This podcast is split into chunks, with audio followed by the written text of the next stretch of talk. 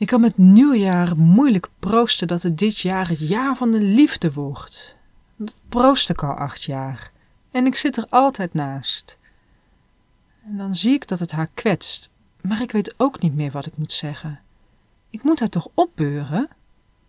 Zo meent Lieke. Ze ziet op tegen oud en nieuw dat ze dit jaar met haar partner en haar beste vriendin viert, omdat ze bang is haar beste vriendin te kwetsen.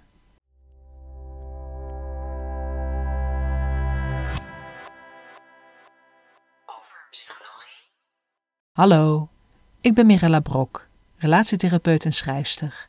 En je luistert naar mijn artikel Wat als jij wel geluk hebt in de liefde? Van overpsychologie.nl Als je zelf gelukkig bent in de liefde en je goede vriendin of een belangrijk familielid niet, dan begeef je je soms op glad ijs. Je kop wordt er afgebeten als je probeert de waarheid te zeggen. Je krijgt een snauw als je probeert de waarheid te verbloemen.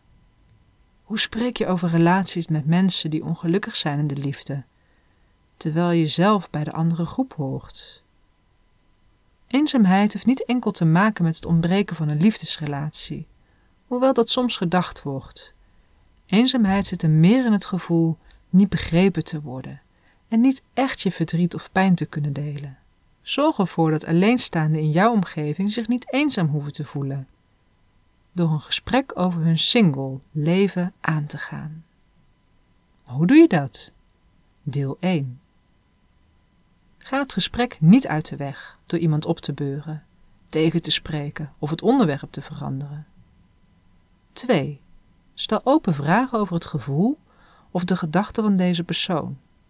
Zo stelde Lieke haar vriendin uiteindelijk de vraag: Hoe is dat om dan op een avond alleen naar bed te gaan? 3.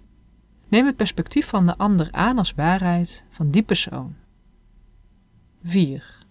Verbind met de ander vanuit een eigen ervaring van eenzaamheid, verdriet en pijn. Een theoretisch uitstapje: het dialoog.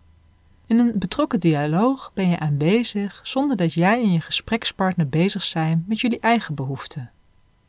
In een gesprek heb je soms de behoefte om jezelf te ontspannen, een ander te helpen, je mening te ventileren of je gelijk te halen. Maar een betrokken dialoog gaat daar niet over. Tijdens een betrokken dialoog ontmoet je de ander, zonder eigen agenda. Je staat open voor de waarheid van de ander, zonder je eigen waarheid te verliezen. Hoe doe je dat? Deel 2. 1. Wat denk je dat de ander nu voelt? Geef dat terug. Bijvoorbeeld hoe Lieke dat deed, door tegen haar vriendin te zeggen: Het lijkt alsof je bang bent dat het nooit verandert. 2. Benoem hoe jij jezelf zou voelen als je zelf in zo'n situatie van de ander zou zitten. Oh, als ik me zo voel, dan ben ik soms de hele dag chagrijnig. Heb jij dat ook? 3. Blijf in contact als de ander emoties toont, zonder emotioneel op de emoties te reageren. 4. Vertrouw erop dat de lach later weer komt. Ook de negatieve emoties van de ander gaan voorbij. Hoe zit dat?